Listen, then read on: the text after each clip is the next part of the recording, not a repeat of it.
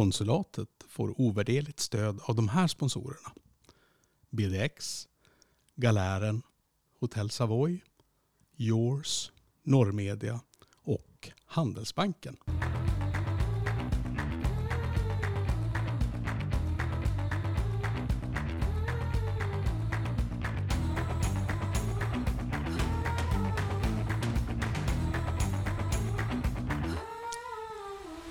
Välkommen till konsulatet.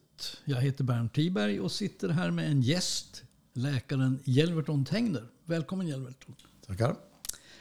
Hörru, vi sitter alldeles intill Öresund och ser Helsingör på andra sidan. Och vi kanske ska berätta det för lyssnarna för det kommer in lite ljud här. Vi sitter intill en, en trafikerad gata så det är den som låter lite grann. Men vi ska egentligen prata om hockey och hockeyspelare och om hockeyns hjärnskador i det här avsnittet. Fast innan vi kommer dit så måste vi presentera dig för lyssnarna. Alla vet kanske inte vem du är. Du är läkare, specialist i ortopedi, stämmer det? Ja. Eh, 1990 startade du tillsammans med kollegan Anders Henriksson läkarhuset Hermelinen i Luleå. Du har varit lagläkare för Luleå Hockey i många år.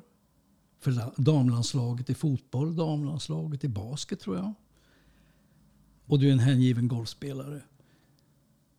Och så har du varit professor, du är professor i idrotts, heter det idrottsmedicin eller hälsovetenskap va? Professor i hälsovetenskap, men nu är jag professor emeritus. Nu är du emeritus, du är en föredetting. Föredetting, ja. men eh, om du skulle komplettera den här bilden, vad skulle du säga då? Oj. Eh, det viktigaste är att jag är tvåbarnsfar. Mm.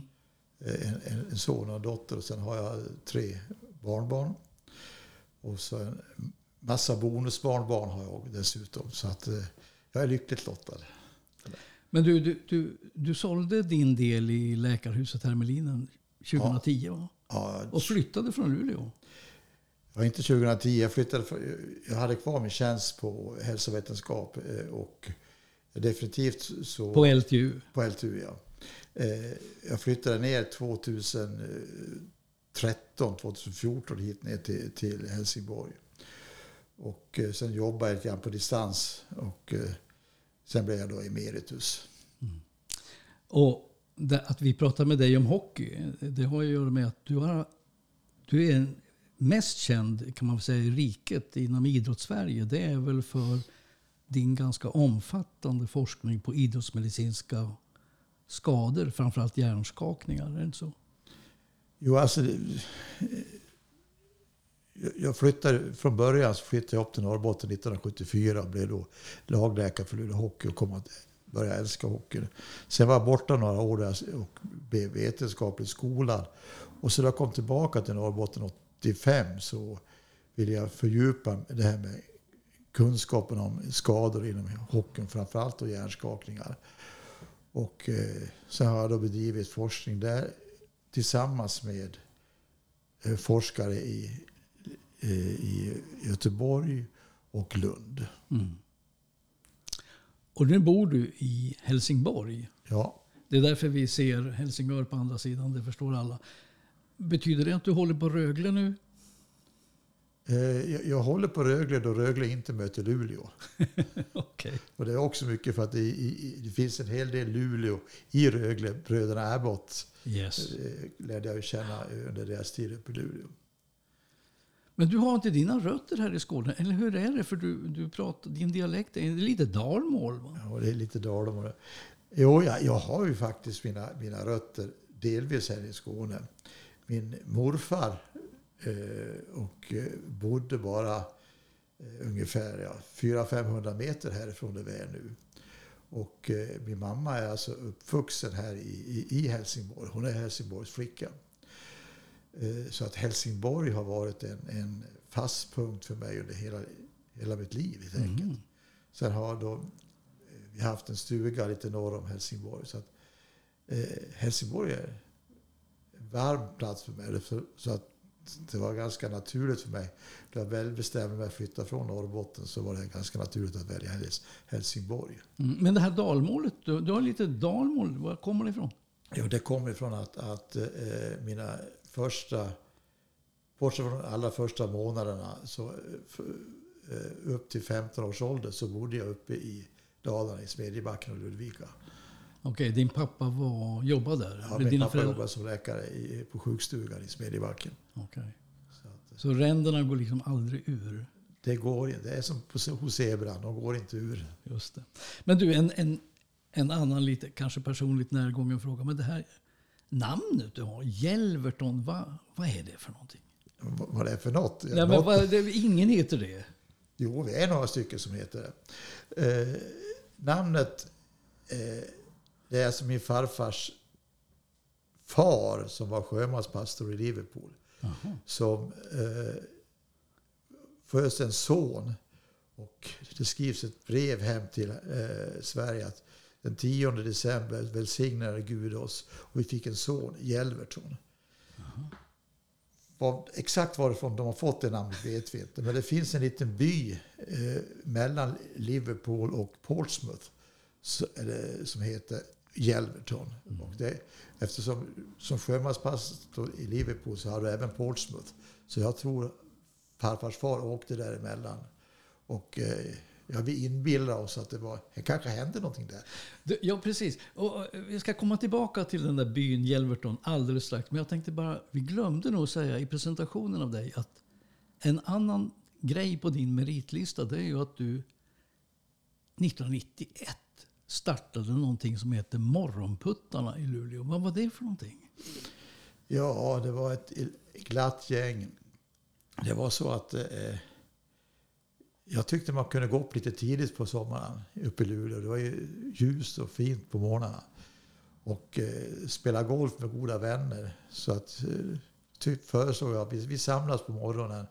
Och, och så spelar vi nio hål och så käkar vi frukost och så går vi till jobbet. Mm. Jag var ju med i det där gänget. Jag vet det. och, nej, men så att, eh, det blev lite grann av en institution egentligen där uppe i Luleå. eh, Det här gänget som spelade. Och vi, vi spelade varje vardagsmorgon eh, från första juni till och med sista augusti. I 25 år eller någonting. Ja, Mm. Och så la vi i princip ner det där när du flyttade till Helsingborg. Men då är vi tillbaka vid det här, vid den här byn Jelverton. För jag var ju med på den resan vi gjorde när du besökte den här byn med ditt namn. Alltså, ska du berätta om det?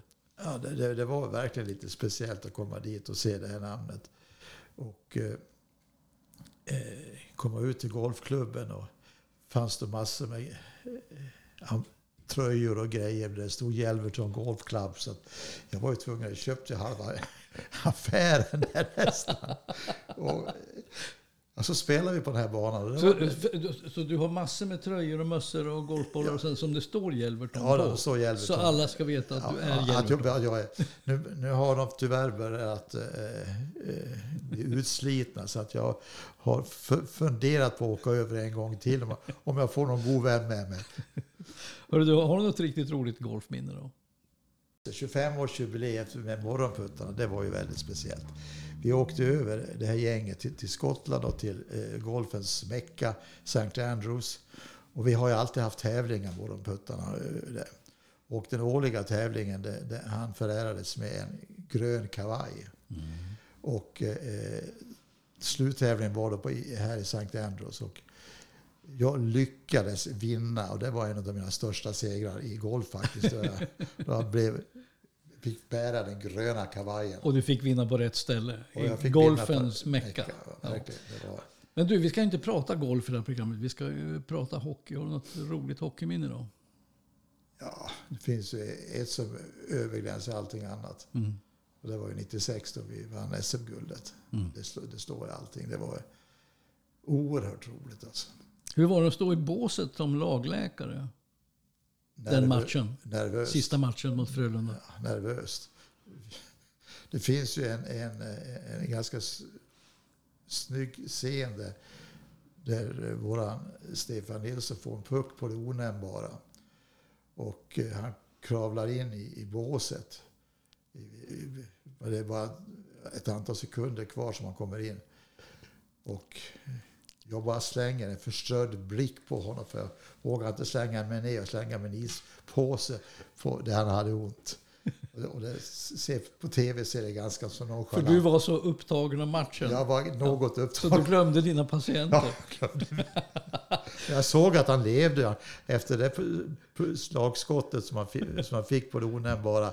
Det, så fortsatte han att spela i alla fall i tio sekunder, så det kunde inte vara så farligt. Okej. Hörru, du, du ska ju få eh, önska lite dina favoritlåtar i det här programmet. Har du någon favoritmusik? Det här är bland det svåraste som finns. Det finns ju så många olika bitar. Mm. Eh, I min ungdom så var ju Beatles väldigt stora. Mm. Och eh, Ska vi ta en Beatles-låt då? ja, ta då Yesterday. Ska vi ta den? Okej, då lyssnar vi på den. Yesterday. All my troubles seem so far away. Now it looks as though they're here to stay. Oh, I believe in yesterday. Suddenly, I'm not half the man I used to be. There's a shadow hanging over. Oh, yesterday came suddenly. Why she had to go, I don't know. She wouldn't say. I said something wrong. Now I long for yesterday. Yesterday. Love was such an easy game to play. I need a place to hide away. Oh, I believe in yesterday. Why she had to go, I don't know. She wouldn't say. Men du nu drar hockeysäsongen igång. Eh, I sportreferaten kommer vi nu vecka ut och vecka in och få höra talas om målgörare och syndabockar och matchhjältar och allt det här. Men du har sagt att hockeyspelare får betala ett väldigt högt pris för sitt jobb på isen. Vad menar du med det? Ja, alltså de, hockey, hockeyledarna riskerar ju att få eh, ska, hjärnskador som gör att de som kan påverka hela eh, deras liv i framtiden. Är det farligt att spela hockey? På elitnivå, ja. Varför? Kontaktsport, hög hastighet, eh, inte alltid eh, ärliga tag. Eh, till exempel tackling från, från eh, spelare som inte är beredd. Eh, för ungdomshockeyn är det ju också ibland stora skillnader i längd och vikt mellan spelarna. Vilket gör att, att, att den lilla spelaren kan bli hårt drabbad. Men på elitnivå, är, eh, är det samma sak där menar du? Är inte elitspelare tränade på att kunna ta emot smällar? Jo, de, är- de är ju tränade på det. Och så länge smällarna sker på ett sätt så de är beredda, då, då är det inga problem. Men då, då, till exempel en spelare kommer in, vad man säger, från blind side. Du ser ingenting och blir tacklad. Då, då kan det hända saker och ting. Så att, att eh, skulle man ta bort de här blindside-tacklingarna så tror jag det skulle bli väldigt mycket mindre allvarliga skador. Kan man jämföra ishockey med någon annan farlig sport? Alltså vad skulle man jämföra med? Är det boxning eller någonting annat?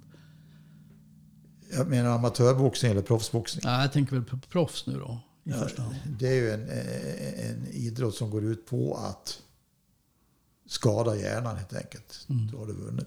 Så att, att eh, så är ju inte hockey. Det, det, det, det som eh, eh, amerikansk fotboll är, en sport som kommer närmare. Så rugby. Va? Rugby. Nej, rugby är en annan. Det är, amerikansk fotboll är en sport också. Rugby är en annan. Rugby spelar huvudsakligen i England. Ja, men eh, amerikansk eh, fotboll, de, har ju hjälmar, har de inte det? Ja. Ja, Och de kan ibland användas som tilltygare. Okej. Så de kan använda hjälmen för att, för att, för att eh, krocka med och stå. Och då får du alltså skada. okej. Så att, eh, och samma sak, det finns ju flera sporter i, i samma bransch. Eh, Du nämnde själv rugby, sen finns det eh, liknande sporter i, i A- A- Australien. Eh, Football Australian Rules till exempel, va, som också har rugbyliknande. Men eh, det är väl de sporterna som, de kontaktsporterna som är bäst lik. Mm. NHL-proffset NHL-proffset Niklas Wallin från Boden, eh, som ju var stjärnspelare i bland annat NHL och vann Stanley Cup flera gånger tror jag.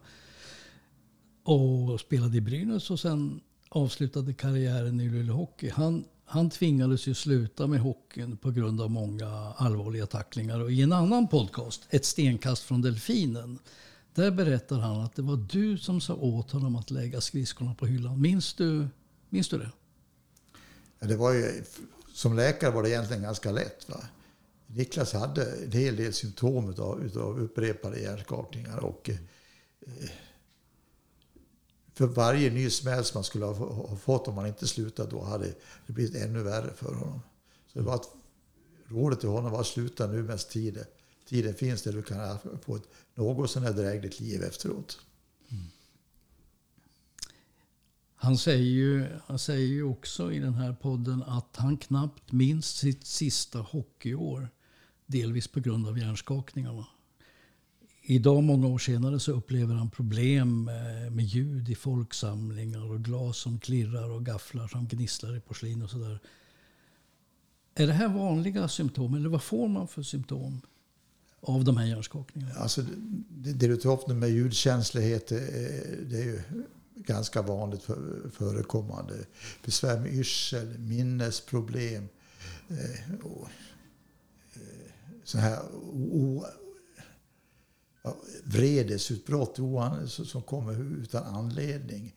Eh, det finns en, en, en ishockeyspelare som, som eh, ja, hans fru lämnade honom på grund av att han var, var så oberäknelig. Va? Alltså i humöret. Va? Oberäknelig i humöret. oberäknelig humöret. Trötthet, koncentrationssvårigheter. Eh, ja, mängd olika kognitiva besvär som de får. Minnesluckor. Du tog upp det med Niklas som inte minns någonting. Alltså det, är ju, eh,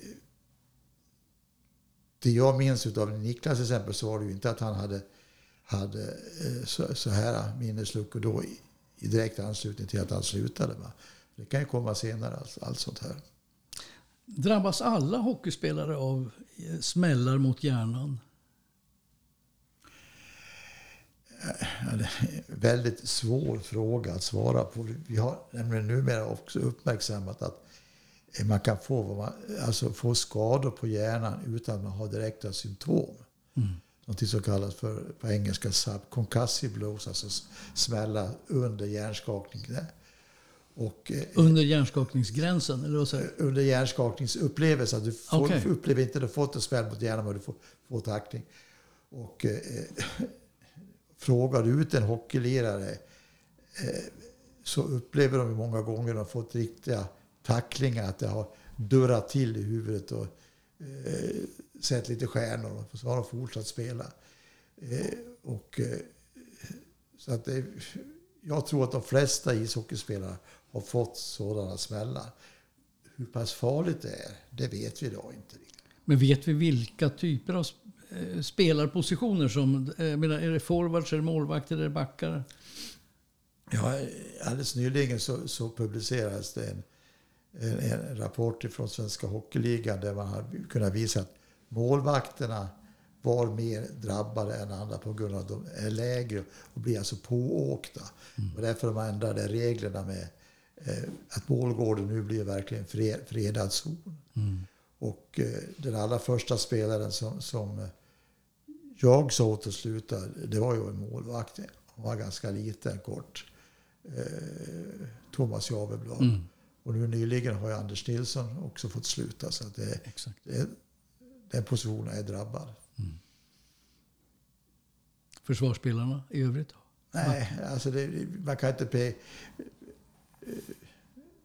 det sticker i alla fall inte ut, om man säger så. Men du, när, man, när, man, eh, när du då som läkare talar om för en spelare att du bör nog lägga skridskorna på hyllan. Alltså hur tar spelaren emot det?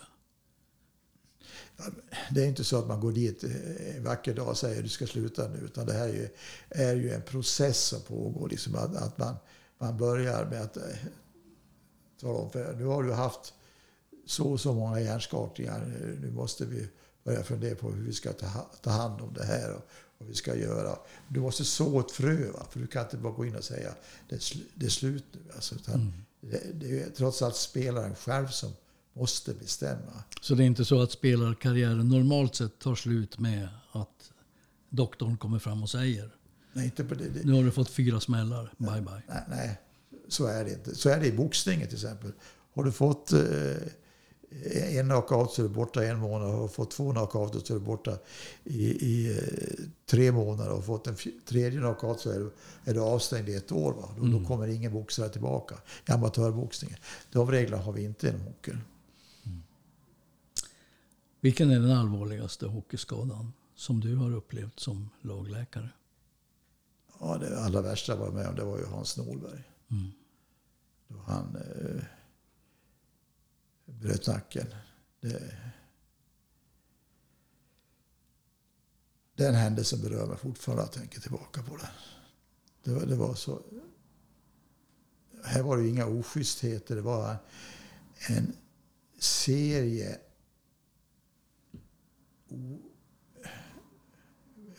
alltså, serie händelser som jag egentligen inte kan inträffa. Va? Mm. Att, att, att, att man ska trilla och så tar man åt sig med armen och så får man den armen bortslagen av en annan spelare. Och så trillar man mot den här spelaren att träffa honom på låret och så med pannan. Det här är så osannolikt att det ska inträffa som det hände eh, Robbe. Mm. Ja, det var hemskt. Jag tänker på en spelare också som Börje Salming som är så ärrad eh, i dubbel bemärkelse. Spelat över tusen matcher. Aldrig hört talas om att han har fått hjärnskador. Vad tror du om det? Nej, jag har inte heller, vet inte alls hur pass mycket skador som, som, som Börje har fått. Men nog, ska jag gissa, och då gissar jag verkligen, utan jag känner ju inte alls Börje på det viset. Alltså, så nog har, han, nog har han fått en del smällar mot hjärnan. Mm. Jag nämnde att du har, du har forskat mycket på hjärnskakningar. Hur kom det sig att du började med det? Jag menar, du är ortoped och har knän som specialitet, men du, du, du landar i hjärnan. Ja, det är hockeyns fel. Mm. Eh, och eh, att det blev så här mycket, det var ju helt enkelt det vi började uppmärksamma i mitten på 80-talet att det förekom en del hjärnskakningar inom ishockeyn som inte var beskrivet förut. Och sen eh, kom Thomas Javeblad till Luleå Hockey med en uppsjö hjärnskakning i bagaget och fick ytterligare några. Och då man såg liksom konsekvenserna för honom så, så började man tänka här måste vi ta reda på mera och vi måste försöka se vad kan vi göra. Och det är fortfarande pågående sak. Vad kan vi göra? Ja, men det var det här att du var lagläkare i hockeyn? Ja, jag var lagläkare för den här mm. målvakten som fick så, så sådana... Jag kommer att jag läste en tidning i början på december. Eh, om det var NS eller Kuriren, det minns jag inte. Men det stod liksom att eh, jag fick en puck på hjälmen utav Eke Holmberg. Och sen minns jag inte mer. Mm. Men jag fortsatte matchen. Han fortsatte spela matchen. Har ingen som helst minne av vad som har hänt. Då förstod jag att det här är allvarligt. Sen, sen så, eh, någon månad senare så slutade han skridskon på hyllan. Mm. Ska vi ta lite musik? Ska vi ta något uppiggande? Eh, och så ska vi ta och snacka lite mer om de här allvarliga hjärnskadorna. Uppiggande? Ja, livet är ju en fest. Ja. Eller hur? Ja. Ska vi ta den med Nationalteatern? Det gör vi. Okej. Okay nu lyssnar vi på den.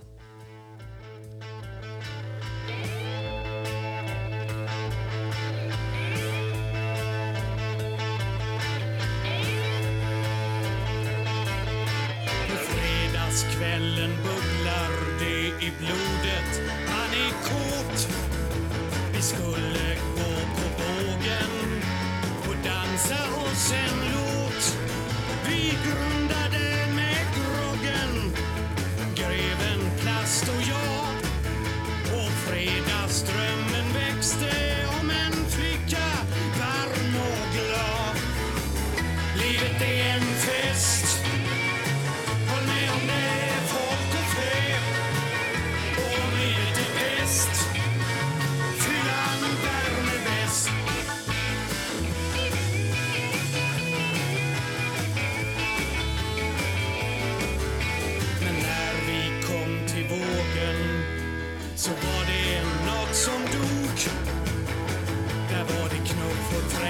Island.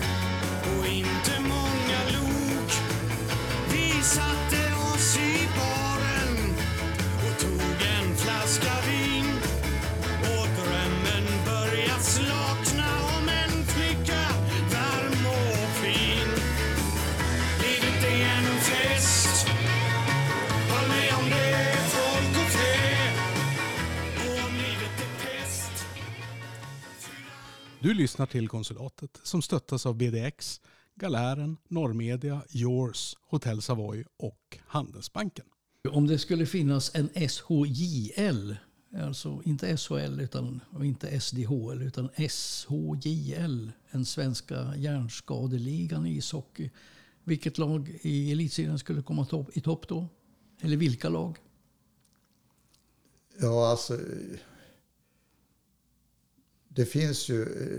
Då jag förde statistiken, eller var ansvarig för statistiken av skador på elitserien så var det två lag som, som stack ut lite grann. Och båda de lagen hade läkare som var engagerade inom hjärnskakningsdiagnostiken. Och, eh, Vilka är det då? Vilka lag är det? det är Luleå och Djurgården. Okej. Men det beror på, menar du, att det är lagläkare som är särskilt intresserade av hjärnskador? Som vi har ett jättestort mörkertal och att antalet hjärnskakningar är större än vad som rapporteras. Det är jag övertygad om. Alltså. Och eh, det kan inte vara eh, en sk- skillnad på eh, ett lag rapporterar under tre säsonger noll hjärnskakningar medan ett annat lag rapporterar 25 hjärnskakningar. Och det laget som rapporterar noll hjärnskakningar hade gett andra lag 15 hjärnskakningar. Det borde alltså på sikt, allt det här borde vara lik, likartat. Problemet är ju många gånger alltså att eh, eh, symptomen på en, en hjärnskakning kan vara ganska subtila. Och eh, alla är inte medvetna om det hela. Jag hade nyligen en, kongress i, i, i Visby där de här bitarna diskuteras. Alltså att det, diagnostiken är inte, är inte bra. Mm. Du tog initiativ en gång i världen till att bilda Svenska ishockeyläkarföreningen. Är det här frågor som ni, är det, eller tog du det här initiativet för att ni skulle kunna prata mer om prata mer lika om hjärnskador inom hela hockeyn, eller? Alltså det här med Svenska ishockeyläkarföreningen som, som, som vi startade var jag och Ronny Lorentzon och Bengt Gustafsson som startade igång det hela. Och det var bland annat för att vi skulle kunna få ett bättre omhändertagande av alla skador. Det var inte bara hjärnskakningar då. Och eh, att vi skulle på något vis också formalisera det här med att vara hockeyläkare. Att du stå, ska inte stå i båset och se på hockey. Du står i båset och jobbar som läkare. Du måste liksom, det är en viktig funktion att, att vi- måste se på spelet utifrån läkares perspektiv. Eh, du, har ju, du har ju forskat och jobbat så mycket med det här eh, med de här hjärnskadorna. Alltså, du har ju också tagit fram en modell för hur man rehabiliterar hjärnskadorna. Det kallas för hjärntrappan. Ska du berätta vad det är för någonting? Ja, alltså vad, vad, vad man har sett är det att, att eh, efter en, en, smäll mot skallen och eh, en misstänkt hjärnskakning då ska man, nummer ett, så ska man avbryta aktiviteten. Man ska aldrig återgå i aktivitet om man fått en smäll mot skallen samma dag. Aldrig. Aldrig. Eh, utan här- den ska utvärderas. Och sen så efter det så gäller det då att sakta men säkert eh, rehabilitera sig så man inte får kroniska besvär. Och det har visat sig att, att, att en stegvis återgång till idrott är väldigt, väldigt viktig. Och eh, tidigare var vi väldigt noga med att, att man skulle ha total vila. Men det har visat sig att det är inte det viktigaste utan det är den här stegvisa rehabiliteringen, Återhämtningen. återhämtningen. Jobbar alla eh, hockeyföreningar med det nu då? Alla jobbar med det. Ja. Det är sa, samma principer som gäller inom ishockey och även hjärntrappan finns ju inom fotbollen, handbollen och de flesta idrotter har anammat det här tänkandet. Men vad är skälet då till, om vi backar bandet lite, vad är skälet då till att så anmärkningsvärt många hockeyföreningar, hockeyklubbar har så få rapporterade hjärnskador när några har så många rapporterade? Ja, de kanske inte upplever det här. Dels är det utbildning av spelarna. Spelarna måste utbildas. Det är ju spelarna som upplever symptomet. Får de en, en, en tackling och ser lite stjärnor och känner sig lite lätt omtöcknad. Alla spelare är inte ärliga och rapporterar det. Det är tyvärr så. Det här är ju... Du, det är ju ditt jobb. Ditt jobb att vara ishockeyspelare. Mm. Och du, av, du slutar inte med ditt jobb som eh, poddare bara för att du har lite snuva. Och det är ungefär så många upplever det. Va? Att, eh, och det är just den där mentaliteten som vi måste ändra på. Är det lika vanligt med hjärnskador inom herrhockeyn som och inom damhockeyn? Eller finns det några skillnader där? Tjejer är rent generellt sett så är tjejer mer drabbade än killar. Va? Och, eh, den senaste undersökningen som gjordes inom här projektet Nollvision så kunde man visa att, att eh, tjejer hade också hjärnskakningar men de uppstår på lite annorlunda sätt. Hur då? Ja, de träffas eh, på hjälmen. Eh, killar får ofta rotationer men tjejer får eh, direkt smälla. Och det beror lite grann på att tjejer får inte tacklas på vanligt sätt utan det blir mer kamp och då slår direktsmällar mot huvudet. Okej. Okay. Vad är lösningen på det här problemet då? Vad ska vi göra åt det? Ja, vi måste för det första starta väldigt tidigt eh, med att utbilda spelarna. Och jag tycker inte man ska tillåta tacklingar förrän man kommer upp i juniornivå. Det finns flera undersökningar från, från Kanada som visar att eh, alla skador är, är, minskar på det viset man förbjuder tacklingar. Och det intressanta är det då de sen tillåts tacklas, de blir lite äldre, så får de inte mer skador, bibehåller sitt skadepanorama även efteråt. Mm. Vilket ju är intressant. Mm. Eh, annars har man ju hört att man måste lära sig att tacklas och, och så vidare. Ja, det, det, måste man nog lära sig att kunna ta emot en smäll. Men det är inte det som gör eh, antalet hjärnskakningar. Vi har ju tyvärr flera ungdomsspelare som har fått sluta på grund av hjärnskakning. Alltså i unga år? I unga år, ja. Men du, hockeyn går ju fortare och fortare, även i unga år och framförallt i elitserien. Alltså spelet blir snabbare och snabbare. Skridskoåkningen får allt mer betydelse för ishockeyn. Innebär det att det också ökar risken för allvarliga, svåra hjärnskador? Ja, det är jag övertygad om. Alltså. Och, eh, en sak som jag har funderat väldigt mycket på, men jag inte har några siffror på, det var vad det här borttagandet av red line offside kunde göra. Mm. För nu går det mycket, mycket fortare. De kommer mycket fortare in i, i, i anfallszon. Men då du hade red line offside så, så var det inte eh, så fort. Och vi har ju minskat utbredningen på mittzonen så det är mindre än försvars och anfallszon. Vad kan det ha för betydelse? Vi vet ju att de flesta hjärnskakningar inträffar i försvars och anfallszon. Mm. Och kommer man då in med ökad hastighet det va, så ökar risken. Då blir smällarna större? Då blir smällarna större. Så hastigheten är definitivt en faktor. Behövs det andra skydd i hockeyn? Säkrare skydd? Jag menar, I boxningen har man väl förändrat skydden lite grann? Mm. Boxningen har ju en, deras hjälm, eller handskar lite innehåller mer stötupptagande material. Det pågår eh, undersökningar vad det gäller hjälmar. Eh, men personligen tror jag inte det det är där vi kommer hitta eh, de stora reduktionerna av hjärnskakningar. Däremot kan man fundera på om de här stora axelskydden och armbågsskydden som, vi har, att de kan bidra till hjärnskakningarna. Mm. För de kommer, de kommer, spelare kommer ofta upp med sig armbåge upp mot ansiktet och de får en smäll. Och då, då den här armbågen nu är försedd med jättestort skydd. Tidigare var det bara en liten kåpa att det gjorde ont att tackla någon. Det gör det inte nu. Mm. Så att det kan vara en faktor. Eh, men eh, sen tror jag attityden. Du måste respekten för varandra. Du ska aldrig ta- tackla en spelare som är eh, inte är beredd att ta emot tacklingen. Men hur lätt är det att tänka på en sån sak i en het spelsituation på isen när det gäller att sno pucken från den där backen? Är det inte, hinner man tänka nu, nu, nu ser han lite försvarslös ut, nu får jag inte gå på så hårt. Och så kommer man i väldigt hög fart. Alltså hur lätt är det? De här eh, har ju, om man har tränat sig från ungdomsåren på det, va, då ska det gå. Och de här spelarna, de, de reagerar ju med blixten hastighet och det gäller att slå in pucken i mål.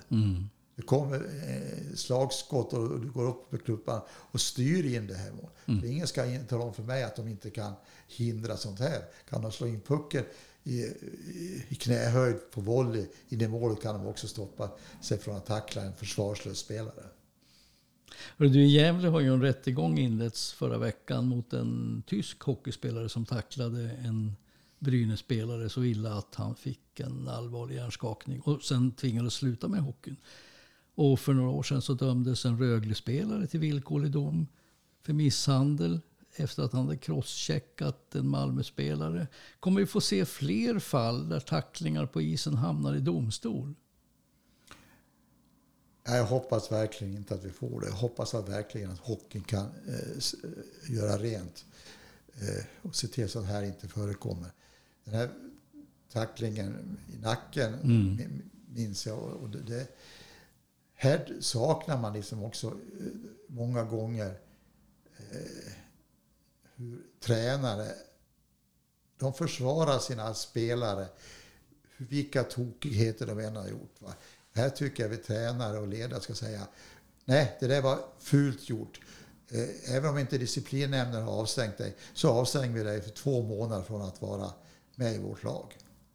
Sådana saker skulle, eh, skulle sätta sin, eh, alltså ha betydelse. Du menar det skulle stävja skadorna då? Eller? Ja, alltså, minska om, skador. om, om, om jag som ledare för ett la- lag ser en av mina spelare Mm. bete sig på ett dåligt sätt. Va? Så då säger jag till honom, du, det, det här accepterar vi inte. Vi accepterar till exempel inte, med rätta, det var ju nu diskussion om någon NHL-spelare som hade uppfört sig illa mot en, eh, trakasserat en kvinna va? Mm. som inte får vara med. Va? I hockey med det. det är helt rätt alltså. Men vi skulle kunna få samma effekter på, på, om de gör felaktigheter på isen. Är det någonting i, i spelet som behöver ändras i hockeyn? Inte om det ska vara hockey. Det är, det är, det är en, en kampsport. Va? Det jag sa tidigare, det här med zonindelning, red line offside, re- regelförändringar, regelförändringar hur, hur vi agerar gentemot spelare som inte... Att vi inte får tackla from, from the inside. Ett tag funderade jag på vad skulle det innebära om ett lag förlorade ett poäng för, för, om motståndaren fick en hjärnskakning. Mm eh, Motståndaren till det förslaget säger då skulle alla fejka hjärnskakningar. Okej, som alla, alla fejkar så blir det ju noll poäng då för alla lag. Då, då är det, slut, men jag tror inte det. Men alltså, eh, tränarna, jag har ju hört tränare säga så här, grabbar in och kötta. Och, eh, och de säger in och spela hockey. Och jag tror till exempel att lär sig ungdomar från grunden att spela hockey och inte tackla hockey. Då tror jag vi kan få bort mycket av det här. Ska vi sluta där, Everton?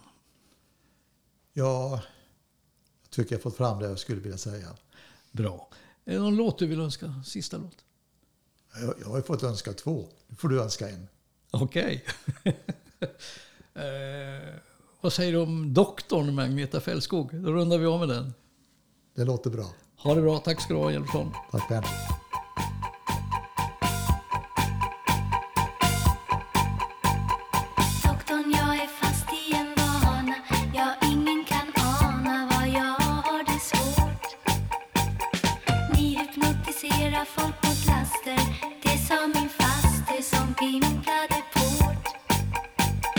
måste jag få en tid Och snälla